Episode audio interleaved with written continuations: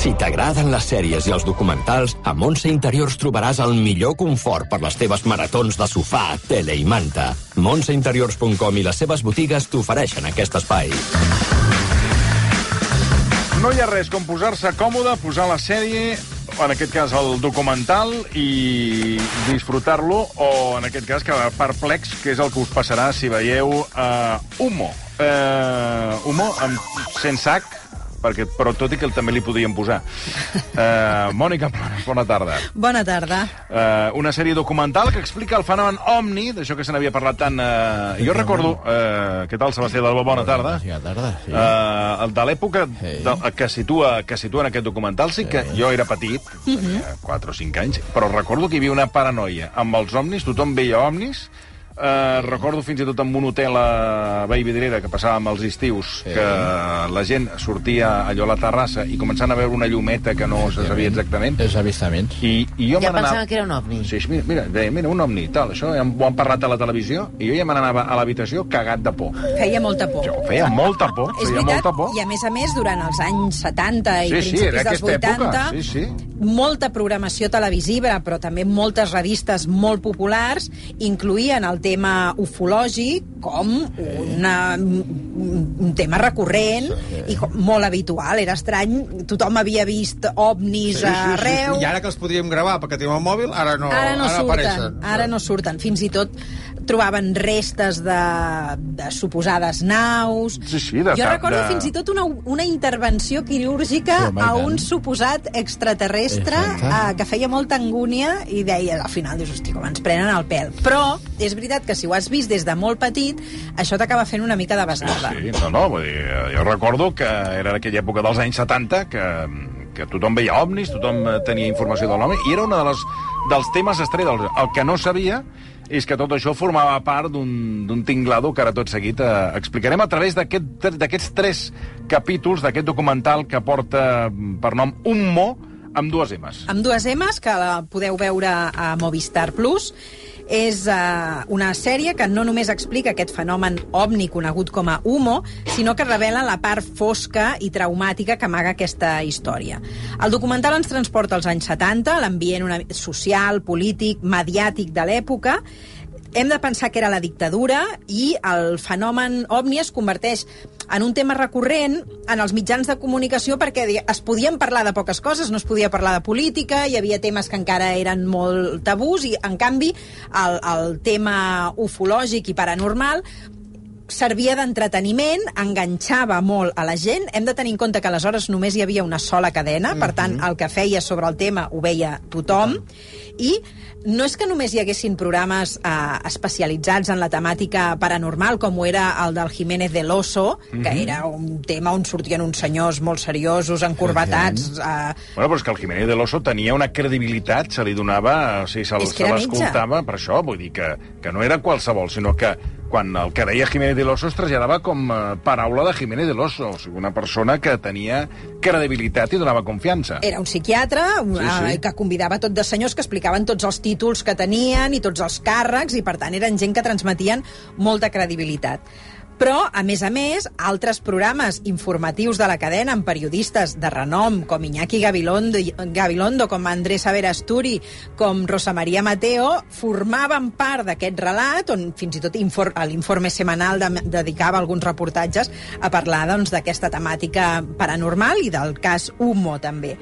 Um, I, per tant, era molt normal que a la televisió ens trobéssim històries com aquestes. Era una iluminación muy grande, una iluminación como blanco-azulada. ¿Y qué forma tenía ese objeto? Parecía un calabacín. Diente largo, la cabeza redonda como un calabacín. Aquello vino con una velocidad que eso no se puede calcular. ¡Dios! Se puso encima y después tiró hacia abajo. Como fuego, como si estuvieras viendo una, una cosa pero sin echar humo. Aquello era una cosa tan fuerte que, que dejó iluminado todo. Eran como esta, pero que no deslumbraban. Se le acercaba un objeto, un objeto triangular, con tres luces, una en cada ángulo, y al cabo de unos minutos desapareció en, en el horizonte. Miré al cielo y vi una, una cosa extraña, con luces rojas y luego abajo verde. Y la forma aquella era una forma de, de, qué sé yo, grande, redonda y encima dentro como si fuera como el que lleva una casa a cuesta. Tot això creava un relat que després la gent, quan a la mínima que veia una llumeta, El que- el que podia dit- explicar... Són molts testimonis, eh? No, no, és que, és que en surten un munt. Són, n'hi ha tants de testimonis de gent que ha vist Sí, sí. coses que, clar, ho explicaven amb tant detall que després la gent se sugestionava i també sabia explicar, sabia afegir la part del relat. Tots ja sabíem quins moviments tenia el, a les naus dels extraterrestres, perquè com que tothom ho havia explicat abans, tu també sabies què havies de dir. Ara sentirem un fragment del programa que es deia Más allá, de Fernando Jiménez del Oso, que era això, psiquiatre, periodista, especialitzat en aquesta temàtica. vamos a tratar de un caso muy próximo y un caso que yo me atrevería a calificar como uno de los más claros, de los más espléndidos que tiene toda la ufología mundial. La historia, y es muy compleja, trataré de no perderme al contársela a ustedes, comienza el 6 de febrero del año 1966. Aquest programa, que després va, es, el Más Allà es va convertir en un altre que es deia La Puerta del Misterio, que és el que recordo jo. La meva mare li agradava molt i en acabàvem tots cagats de, de por. És el que et dic, que tot, tot jo eh, tinc malsons amb Jiménez de l'Oso perquè tot eren extraterrestres i naves i, va, i, i, i estan i van a venir. I Sí, aleshores, sí. clar, estaves eh, a casa sota el llit. I fins i tot a la clave, aquell Home, programa de debat, també, havien arribat a discutir també, sobre també. aquesta Sí, temàtica. sí, sí. Un convidat habitual d'aquest programa era un expert en temàtiques paranormals que es va acabar convertint en el president de l'Associació Espanyola de Parapsicologia. Oida, ja conec. Aquest senyor era, i tant que el coneix vostè, Sí, ja ho crec que el va conèixer, Sí. José Luis Jordán Peña. Exacte. Ara sentireu qui era aquest senyor, perquè és el protagonista o l'eix que vertebra tota aquest, aquesta sèrie documental sobre el cas Humo. No cabe duda, mi juicio, de que eh, el comportamiento, es decir, el régimen de vuelo de aquel aparato no era tan anormal como el que se nos presenta de esos ovnis que vuelan a velocidades de- impresionantes, que se desplazan describiendo eh, trayectorias recto, en ángulo recto, o que se paran en seco, cosa que está en contradicción con la física clásica. No, aquello no había nada de eso. Entonces yo pienso hasta qué punto fenómenos de este tipo, como el que yo he sido testigo, han servido un poco para crear el mito de los ovnis. Aquest senyor es fa famós arran d'haver mm, vist un, un ovni, Sí, sí. explicar-ho, era un dels avistaments més importants que hi havia hagut a Espanya i això el fa agafar una certa popularitat i convertir-se en un habitual de tertúlies i programes. Ara hem d'explicar què és aquest cas Hummo. A Espanya, als anys 60 i sobretot a l'any 66, que hi ha els dos casos més importants, hi ha aquests suposats avistaments ovnis, es veuen les marques a terres de, de com ha aterrat Sí, la, la nau. Els camps. El fenomen ovni va creixent, fins i tot es munten unes tertúlies que acaben sent molt famoses al Cafè León de la calle Alcalá de, de Madrid, on unes figures expertes, on també assisteix aquest José Luis Jordán Peña, la gent parla en aquestes tertúlies sobre aquesta possibilitat de la vida extraterrestre. I de cop, els integrants d'aquestes tertúlies i d'alguns eh, periodistes dels mitjans de comunicació comencen a rebre unes cartes que arriben prèvia trucada telefònica, que això encara fa més por, que teòricament estan escrites per uns extraterrestres que asseguren viure entre nosaltres, a la Terra, i que estan estudiant la nostra Que civilització. conviuen entre, i, no, i no els detectem. No els detectem, Ah, perquè ens el estan estudiant... no els detectes. ens Tu estan- pots tenir, tu pots ser Cailà, un extraterrestre extraterrestre, podria i jo no et detecto, perquè clar... Som iguals. Eh, bueno, iguals. Eren eh, de- d'unes d'unes, eh, de, no- diríem, d'uns trets nòrdics. Exacte, eren com Eh, si fossin la raça ària. Raça eh? ària. Una mena Trets nòrdics, eh? O sigui, eren molt nòrdics. Ens hem de posar en un context de l'Espanya eh, Dels diguem, 60. de, dels anys 60 i 70, on començava el boom turístic, on, Ah, per exacte. tant, començaven a arribar turistes Les del sueques, nord d'Europa. Sí, que això també surt al Claro. documental. Les, nue, les sueques, les pel·lícules de José Luis, de López José Luis. López Vázquez, i el perfil d'extraterrestres era aquest. Com suecs, sueques. I gent que, estan, ganes- que, que passen desapercebuts perquè tu els tens al teu voltant, són extraterrestres, però no són extraterrestres. Vull dir, eh, perdó, són suecs o sueques o de, de, del, del nord, de- d'Europa, de, però tu mm, creus que són eh, eh, turistes, però no són turistes. Són extraterrestres. Humos. Ara escoltarem com es manifestaven els humos o humites a nivell d'àudio.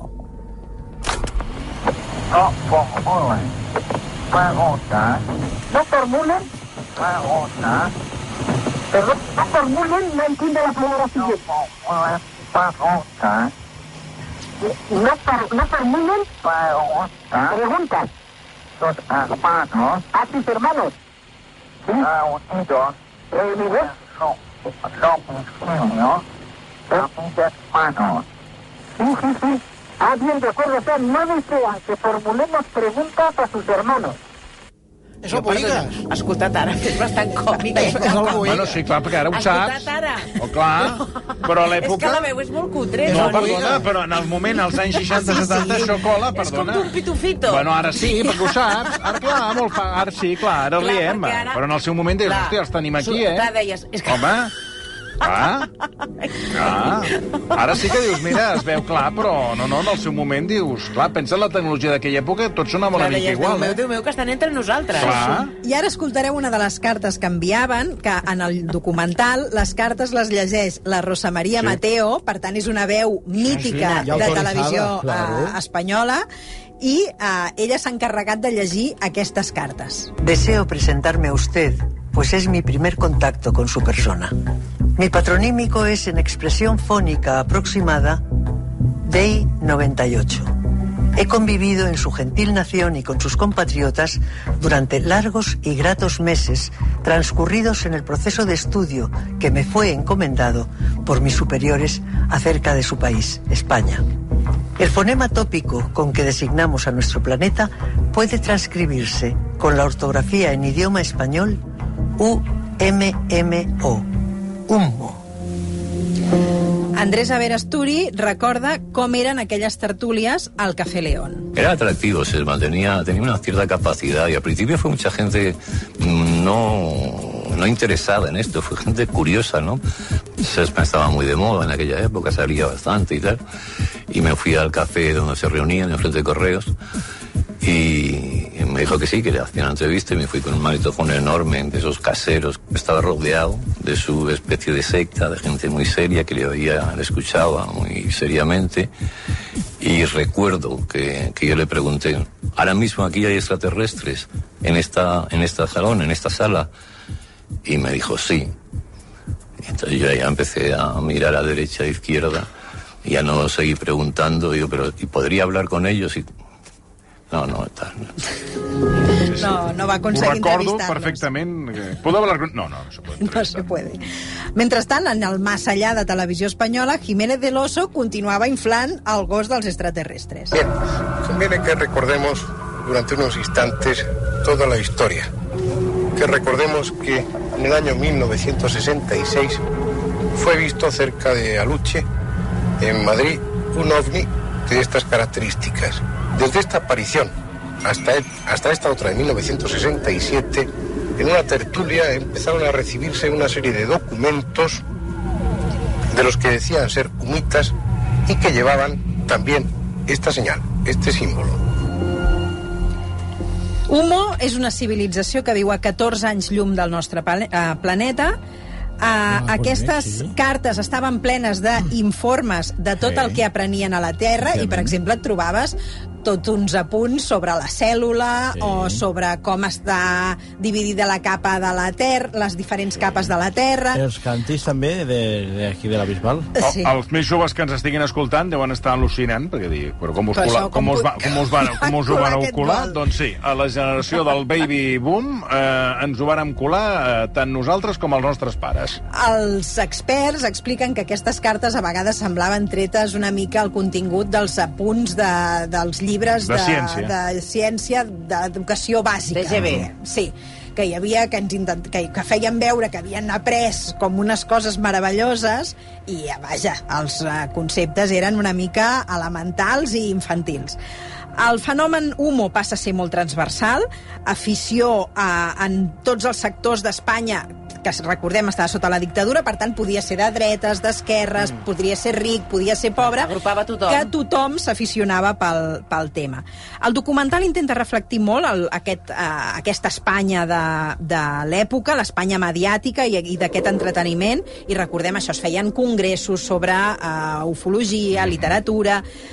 passen moltes notícies vinculades al fenomen ovni, com per exemple notícies de suposats extraterrestres que roben en una casa per agafar mostres Aquest moment també és bo, eh? terrícoles. Atenció a les mostres que agafen els extraterrestres. És molt important. És molt important el tipus de mostres Sí, que sí. agafen. Que jo vaig pensar, però com ens en passàvem tot això? Escoltem. Se llevaron una serie de objetos, para ellos eh, todo era nuevo, todo era distinto y se llevaron pues desde bombillas eh, hasta, hasta muestras de, de- de excrementos incluso, me parece. secreción vaginal y salival, sí, de Sí. los seres humanos. Y algo muy, muy chocante que es el contador de la luz. Al cabo de los años eh, se ha investigado, como, como decía Antonio Rivera, y se ha podido comprobar que esos hechos fueron reales. Sí, que este robo se cometió, efectivamente. El robo se cometió, efectivamente. El robo lo, lo- lo estamos sufriendo Però ahora. la barreja? Sí, sí, no, però dic que- sí, sí. secrecions vaginals, comptadors de la llum, que dius... No, el bo és el comptador de la llum. El sigui, comptador agafen de la i s'emporten el que, comptador de la perdoneu, llum. que és una... que si et roben això a casa... Bueno, i els, que, I els que ho van fer, els extraterrestres, suposadament que ho van fer, esclar, talla la, no sé, Home. talla la llum i porta't el comptador. Sí, sí, sí. Després aqu- aquesta confusió entre els excrements... Uh, uh, Secreciones vaginales i el contrast per mi és I el- i el comptador de la luz, I que després- trenca una mica el fil de tota la... Fixeu-vos que això de les secrecions vaginals, o sigui, uh, es nota la mirada masculina al darrere, perquè tu pots venir de 14 anys Eh. llum de la Terra, però sempre la, acaben, tots aquests senyors raros acaben en una vagina. Sí, sí. O sigui, Bueno, no sé què els hi passa a, en tots aquests temes, També- que hi ha senyors conxabats que sempre acaben els temes en una vagina. Hay que investigar. Primer que sí, excre- que- excrementos també, perquè excrementos dius, tal. haguéssim pogut agafar mostres de, de, de semen, per exemple. No, No, això no, no. van a la vagina. és universal, universal, això demostra això. A mi m'agrada això, eh, el comptador de la luz, per, per, per, per, per, com a contrast últim. Saps? Allò que la narració torna a posar, perquè clar, és que el moment, el document és extraordinari. Posa, Se posa. llevaron una serie de objetos, para ellos eh, todo era nuevo, todo era distinto y se llevaron pues desde bombillas Bombillas. eh, hasta, hasta muestras de, de- de excrementos incluso, me parece. secreción vaginal y salival, sí, de Sí. los seres humanos. Y algo muy, chocante que es el contador de la luz. Al cabo de los años eh, se ha investigado, como, como decía Antonio Rivera, y se ha podido comprobar que esos hechos fueron Sí, reales. que este robo se cometió. Sí, sí, sí. sí. El robo se Sí, sí, comete. el, el, robo ens el fan eh, de tant en tant amb la factura. Bé, seguim amb la història. Les cartes es multipliquen. Cada vegada hi ha més gent que està rebent cartes i trucades De humo, d'humo. Fins i tot es, es troben cartes per Europa i mm, per, pels Estats Units, o sigui, comencen a arribar cartes de tot arreu. Els humo, suposadament, tenen aquesta forma humana, eh, diguem... De, Nòrdica. De, nòrdica. Uh, el fenomen es fa tan gran que ningú osa contradir tot el que diuen perquè tots els que ho expliquen són senyors savis a la televisió, per tant, si hi ha gent Clar. que no entén el que estan explicant o no s'ho creuen, no gosen portar la, la contrària. Fins que es produeix un fet molt tràgic.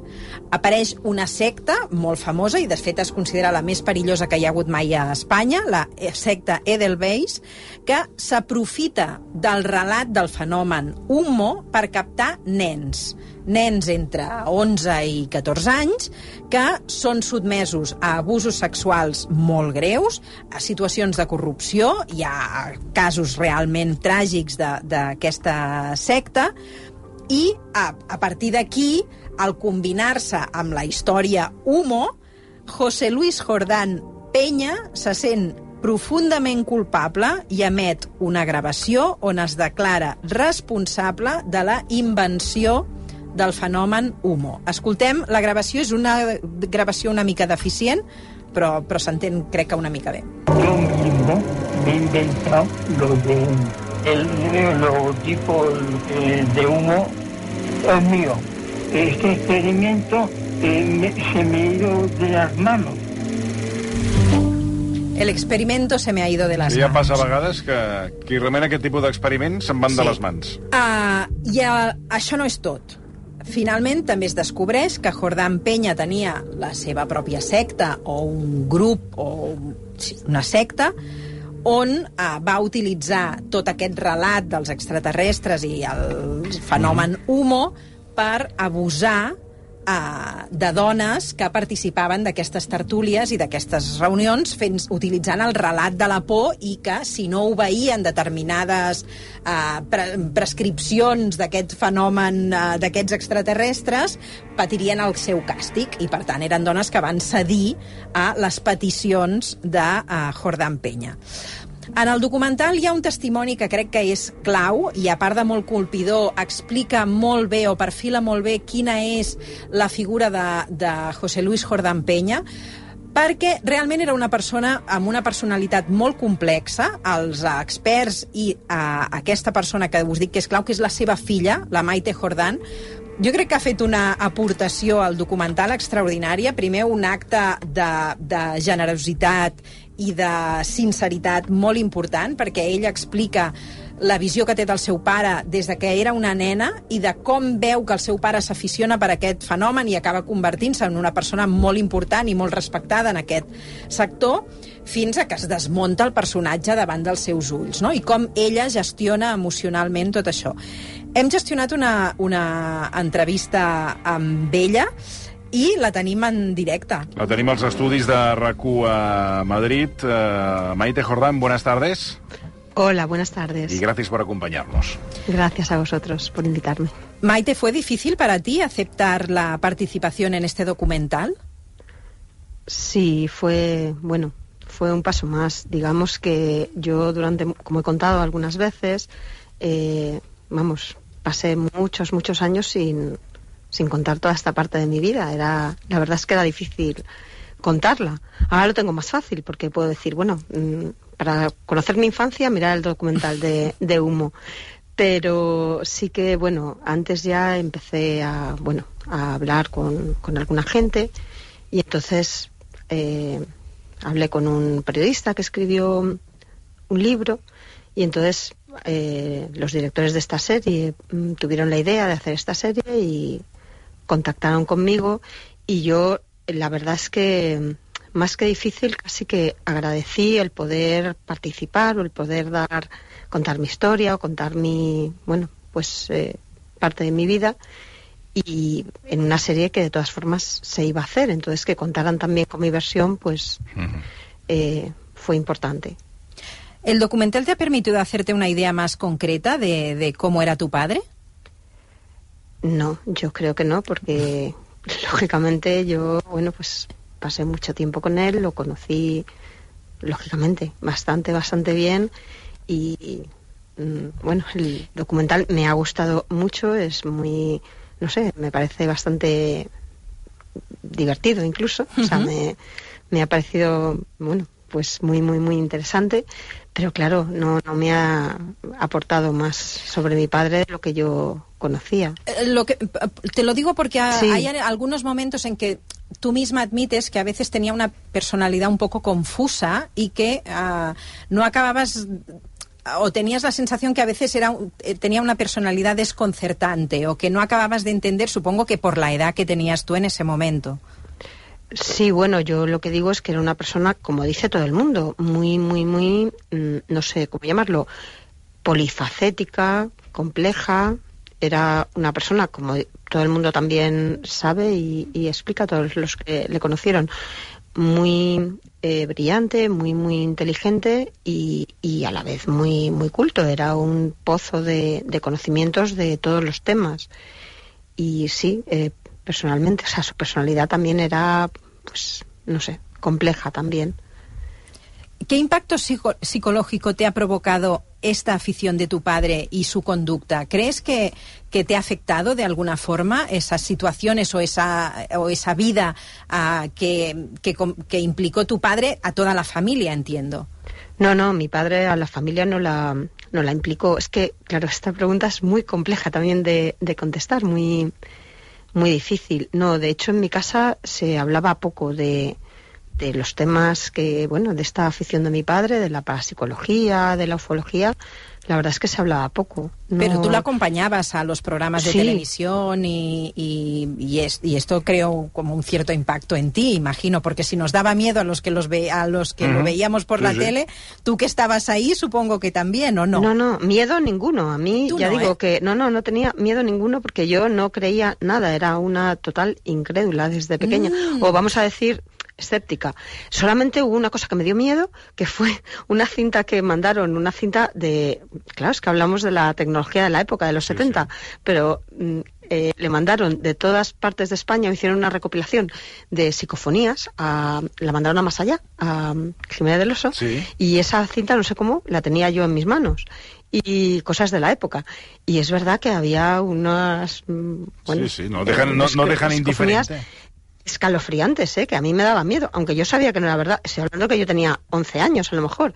Y me acuerdo que un verano pues yo me la ponía con una grabadora y tal, así me metía en la cama y la oía y era un poco, sí, eh, daba un poco de miedo. Sí. Y eso es lo único que recuerdo que me daba miedo, pero no me lo creía, ¿eh? Vale, Yo, porque tú ya digo, dices que todas las cartas humo, tú de siempre tuviste claro que era tu padre el que las escribía y que incluso reconoces su forma de redactar y de su forma de expresarse. Sí, sí, vamos, yo, a ver, todas no. Yo también estoy segura de que hubo muchas imitaciones. Claro. Totalmente segura, ¿eh? Me gustaría leer, para empezar, no las he leído todas, no he leído ninguna, o sea, he leído muy, muy poco. Eh, pero, pero aquello que leí o aquello que supe o aquello, yo reconozco bastante bien el, el estilo de mi padre, la forma de escribir, la narrativa, la, los dibujos, vamos. Yo estaba segura desde muy, muy pequeña que, que todo, bueno, o casi todo lo hacía él. Ya digo que yo estoy segura de que hay copias, ¿eh? Claro. Y, o sea, que, que si él escribió 100, a lo mejor eh, las otras 50 son, son De eh, aficionados. imitadores. Estoy segura, ¿eh? Que un día podemos revisarlas y, y a lo mejor mm, soy capaz de peritar aquellas que, que son suyas y aquellas que no.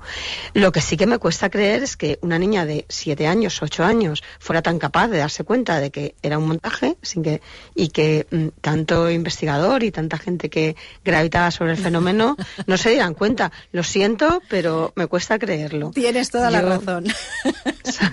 Bueno, pero esto si lo llevamos a, por ejemplo, a las eh, a lo que eran las hipotecas basura, pues eh, claro, había un montón de inversores que te recomendaban invierten en este tipo de, de- de- de hipotecas. Había grandes gestores de, banca, grandes bancos de inversión y, y era un engaño. O sea que al Hemos final llegado aquí- a la misma conclusión. Claro, sí. o sea, los grandes expertos, grandes, eh, en fin, los números uno en muchas cosas, pues eh, te recomendaban según qué tipo de cosas, la- las, las, las, sub- la subprime, por ejemplo, y, y- y los grandes inversores apostaban por ello y resulta que finalmente fue un, bueno, una gran, un gran fiasco, ¿no? Un, que ha sido un, un gran problema económico a nivel mundial. Supongo Eso que es. ese entorno de credibilidad y de, ¿no? de, de presunto rigor y de seriedad y todo, y además que alimentaba un espectáculo que les funcionaba muy bien.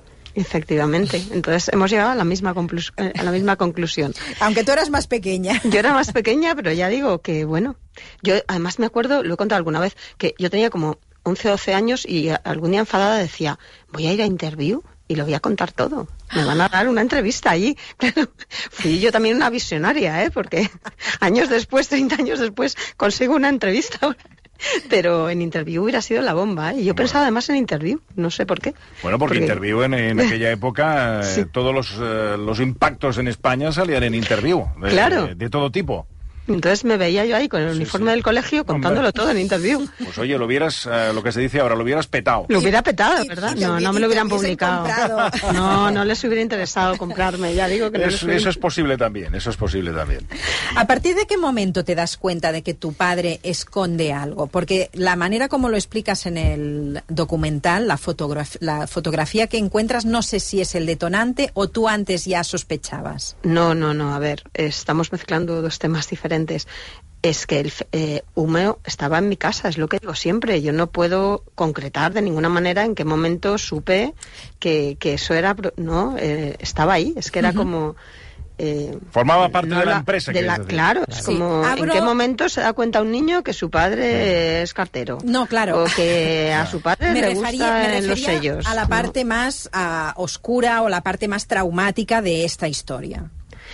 Es que sobre esa historia es, no sé, quiero decir, yo tengo mi, mi propia opinión o mi, bueno, no sé, que Puedes Habría que si replicarla. una teoría, ¿eh? Uf, mm, no sé, en otro momento a lo mejor. Sí que es verdad que yo cuento en, y es así, eh, pues yo tenía 14 o 15 años y un día pues encontré unas fotos pues bastante, no sé, eh, que me asustaron, me preocuparon, sí, es así. Eh, me acuerdo que estaba en el primero o segundo de BUP, entonces tenía pues 14 o 15 años, sí.